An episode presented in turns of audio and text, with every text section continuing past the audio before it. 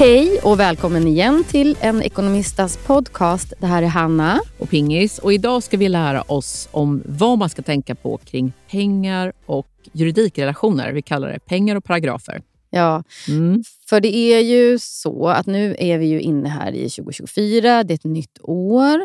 Och Det är mm, ofta så att man börjar tänka på saker i samband med ett nytt år. Alltså ser över sin ekonomi och kanske ser över, behöver utvärdera sin relation. Nej, jag skojar. Massa nyårslöften ja. som ja, man vill ta tag i. Ja, men mm. så det är liksom stort och smått som man känner att nu är det dags att, att ta tag i det här eller förändra. För att mm. man ska eh, förhoppningsvis då liksom må bättre. Mm. Och Då har vi pratat mycket om ekonomi kopplat till hälsa tidigare. Eh, det kommer vi fortsätta med såklart. Men nu ska vi också prata om ekonomi kopplat till eh, juridik. Precis, vi kommer ringa eh, Nadja då, Hattem som är jurist eh, och grundare av Cliently, så här digital jurist, lite senare. Då. Men om vi börjar lite på, eh, tänker på vad man tänker på när man säger pengar och juridik. Mm. När man tänker på det utifrån liksom privatlivet eller sig själv. Jag tänker, men du kanske har någon historia att berätta. Jag har ju faktiskt själv haft väldigt stor nytta av juridik både som företagare och eh, privat. Men börja du, Hanna.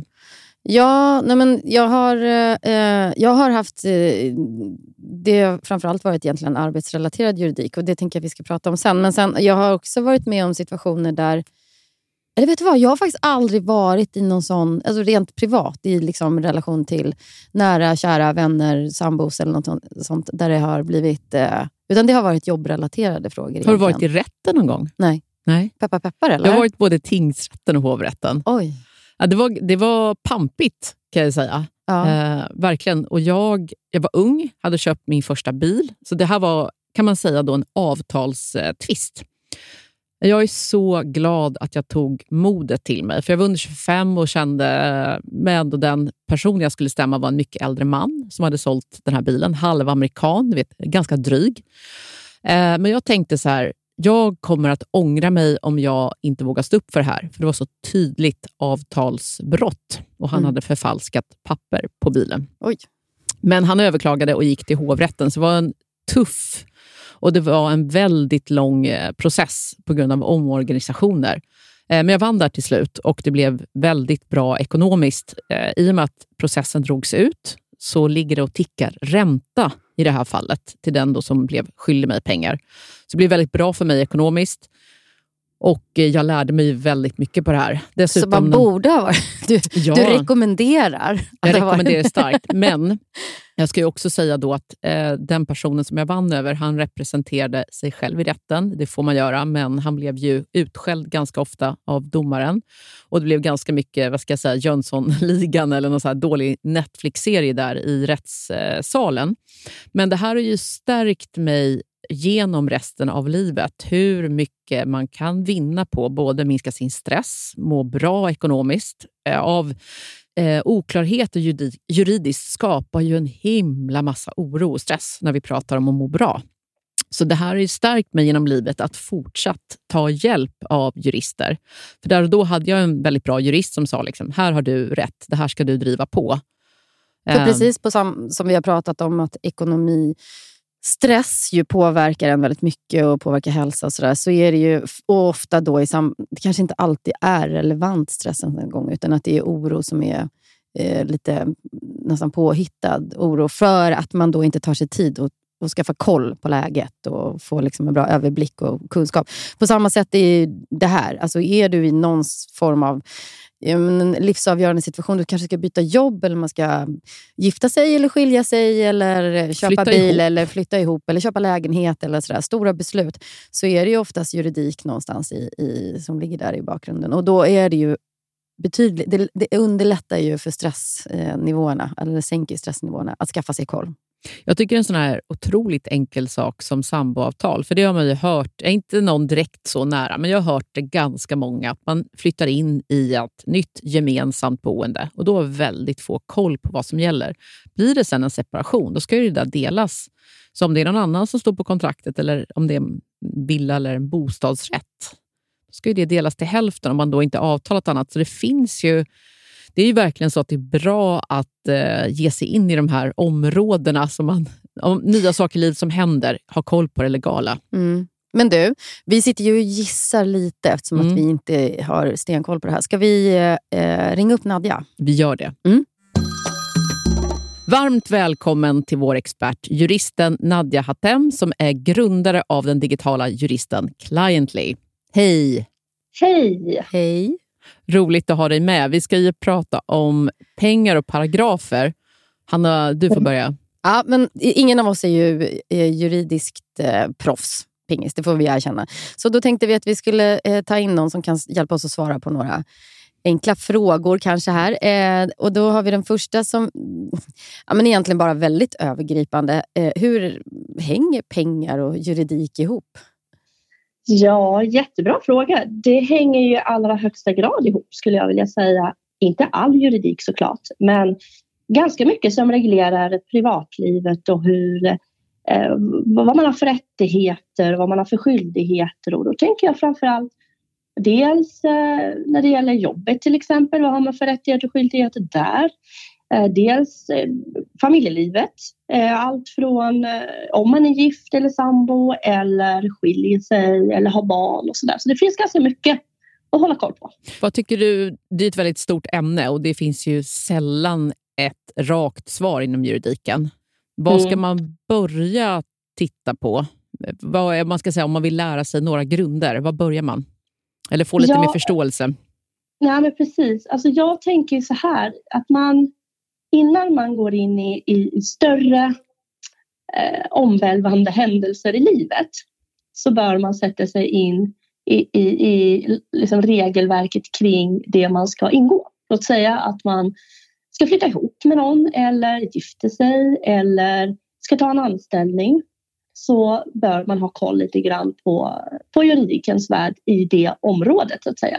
Det är mm. svårt att sätta sig och liksom börja bläddra i lagboken. Nej, så, den är rätt det är lång. inte det man ska göra. Mm. Mm. Tycker du att eh, folk i allmänhet har tillräckligt bra koll? Nej, det skulle jag kanske inte Nej. vilja påstå. Hade de det så hade inte vi behövts som Nej. jurister helt enkelt. Så att det finns väldigt mycket information såklart att tillskansa sig. Um, det är ju bara liksom sätta sig på Google så här, men det är svårt att förstå om man inte är juridiskt skolad. Man kan ju ha koll på en del saker, men jag skulle säga att generellt sett att det finns mycket, mycket mer man skulle kunna sätta sig in i. Vet du vad jag tycker är svårt med det här i juridik? Det är att just det du säger, att man behöver lite grundläggande kunskap och det är bra att försöka sätta sig in i och googla och sådär innan stora beslut. Men samtidigt så är ju alla jurister man pratar med mm. väldigt försiktiga med att sammanfatta på ett enkelt och begripligt sätt för att det är så mycket ifs and buts och saker som man måste mm. vara, ja, försäkra sig om att man inte liksom får fel. och så, så det, det, det, finns ju det är så svårt här, för det, det går aldrig mm. att ge ett ganska enkelt svar för då finns det risk att det misstolkas eller används fel. Förstår du hur jag menar? Det gör mm. att det blir, måste vara spännande att jobba med.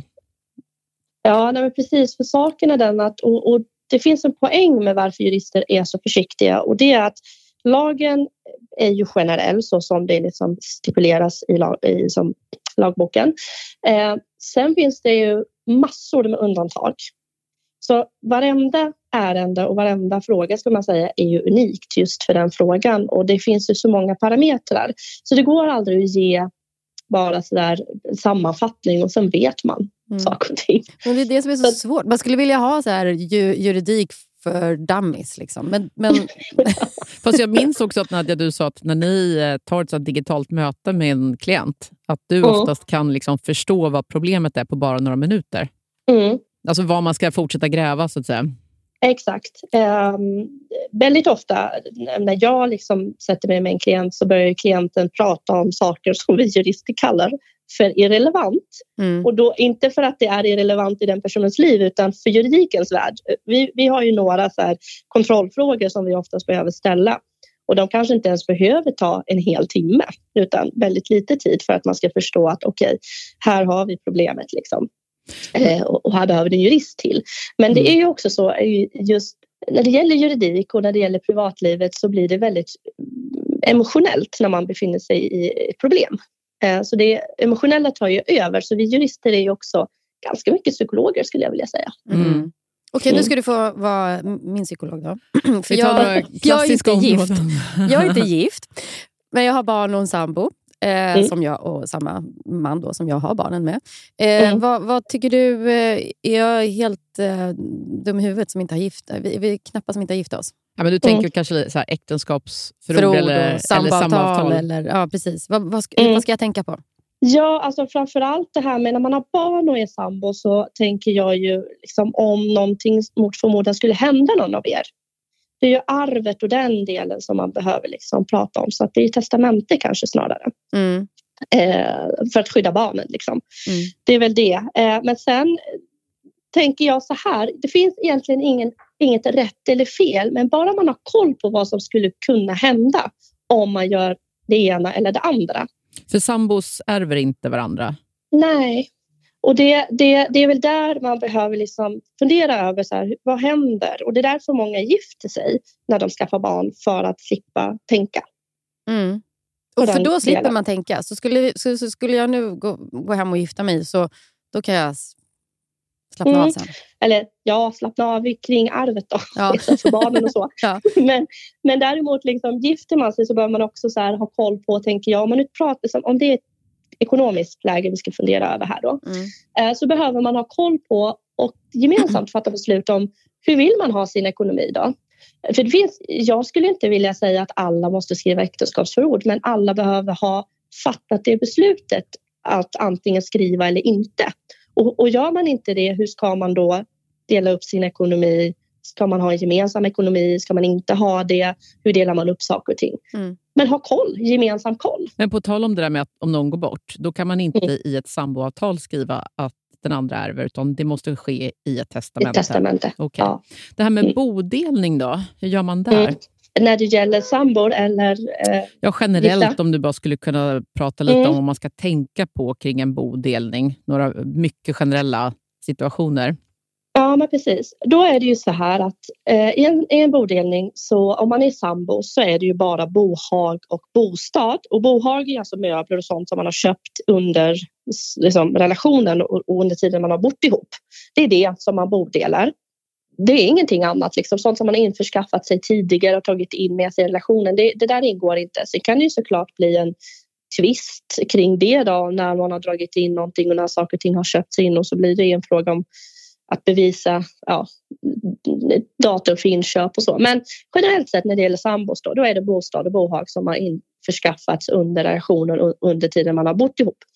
När man då separerar, det är oftast då när man flyttar ut, det är då datumet anses liksom vara på plats för en separation. Det är då man kan eh, bodela. Man är inte tvungen, det är, man, man kan avtala bort det. Alltså det är upp till samborna, så att säga, ex-samborna att göra som de vill. Mm. Men man har ett år på sig att bodela eh, efter en samborelations upphörande. Mm. Och om man då, vi säger att eh, vi har köpt en gemensam tavla som har ökat mm. jättemycket i värde, mm. misstänker jag. Eh, mm. säger vi. Och så tycker då eh, min man kanske att det inte är så. Ska man, hur, hur mm. gör man liksom för att... Tar man då in så här, någon som värderar och så... Ja, ja, precis. Det blir, ju, det blir en diskussion. Antingen kommer ni överens om hur mycket den är värd och gör ni inte det så får ni ta in en värderingsman då som ska värdera den här tavlan. Och så får ni ett värderingsintyg och så lägger ni in det då i, i sambobodelningen så att säga. Men vad händer där om man liksom har tagit in någon då som kanske skojar upp priset lite grann. Måste mm. den andra gå med på Nej, det? Nej, Nej det, det, måste man inte. Utan det är precis där sådana här tvister kan uppstå. Kommer man inte överens då kan man alltid vända sig till domstolen och begära en bodelningsförrättare som det heter. Mm. mm. Och då är det en person, eh, oftast då en advokat eller jurist, eh, som utses av domstolen. Och den personen är ju då opartisk och tar in båda på olika samtal och möten och tittar på allt som då läggs fram och sen så får ju den fatta beslut om vad som är rimligt. Liksom. Mm. Men säg att vi har lyckats, eh, nu har vi lyckats skilja oss här och det har gått eh, ganska bra. Vi är nöjda båda två, men vi har barnen och det här med underhåll. Hur mm. funkar mm. det? Eh, vad kan man ställa för krav? Eller vad, alltså rent juridiskt, vad gäller? Ja, det är en mm. så återkommande fråga i communityn ofta. Ja. Liksom. Och Många mm. som är ensamstående undrar vad har man för rättigheter kring det här med underhåll och vad man kan kräva av sitt ex. Ja, nej men precis. Och det där är också en sån där fråga som faktiskt, ska jag säga, eh, inte jätteofta kommer upp till domstolen. Eh, utan parterna liksom, eh, har ju då, sätter sig och ska komma överens och oftast blir det ju då tvist när man inte kommer överens.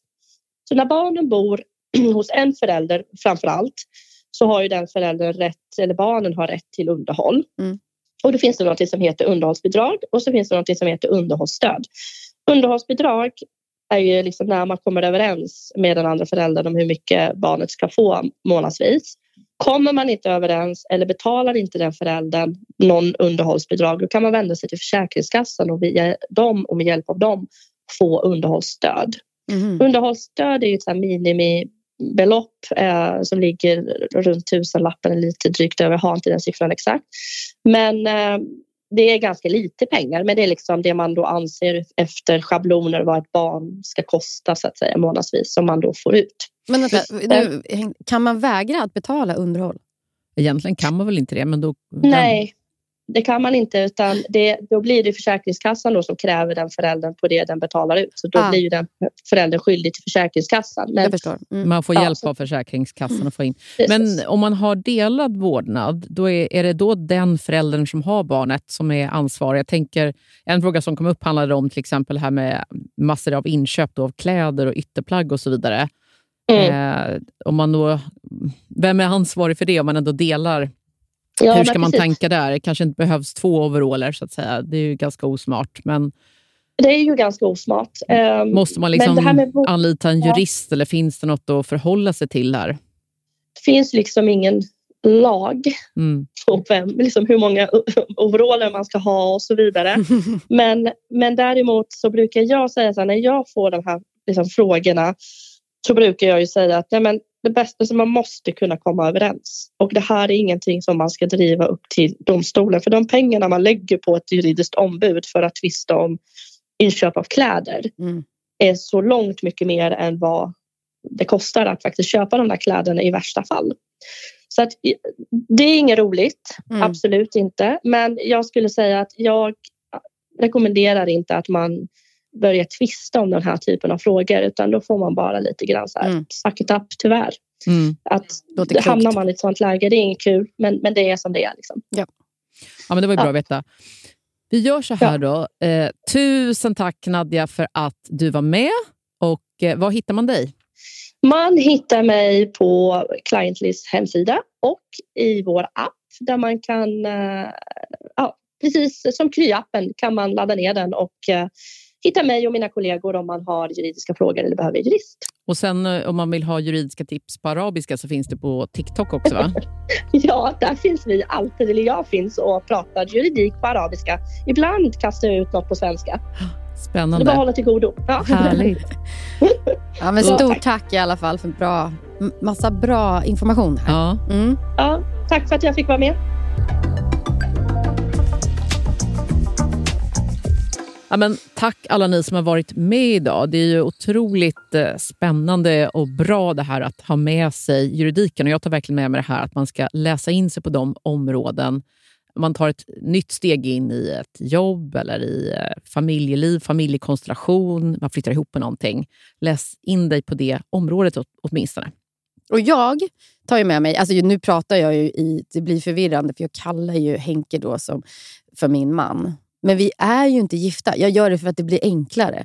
Vi är inte gifta, så jag tänker att jag får väl gå hem och fria. Eller vad ska jag Ja! Helt underbart. det verkar ju smidigast om man får lyssna på, eller man tror på Nadja.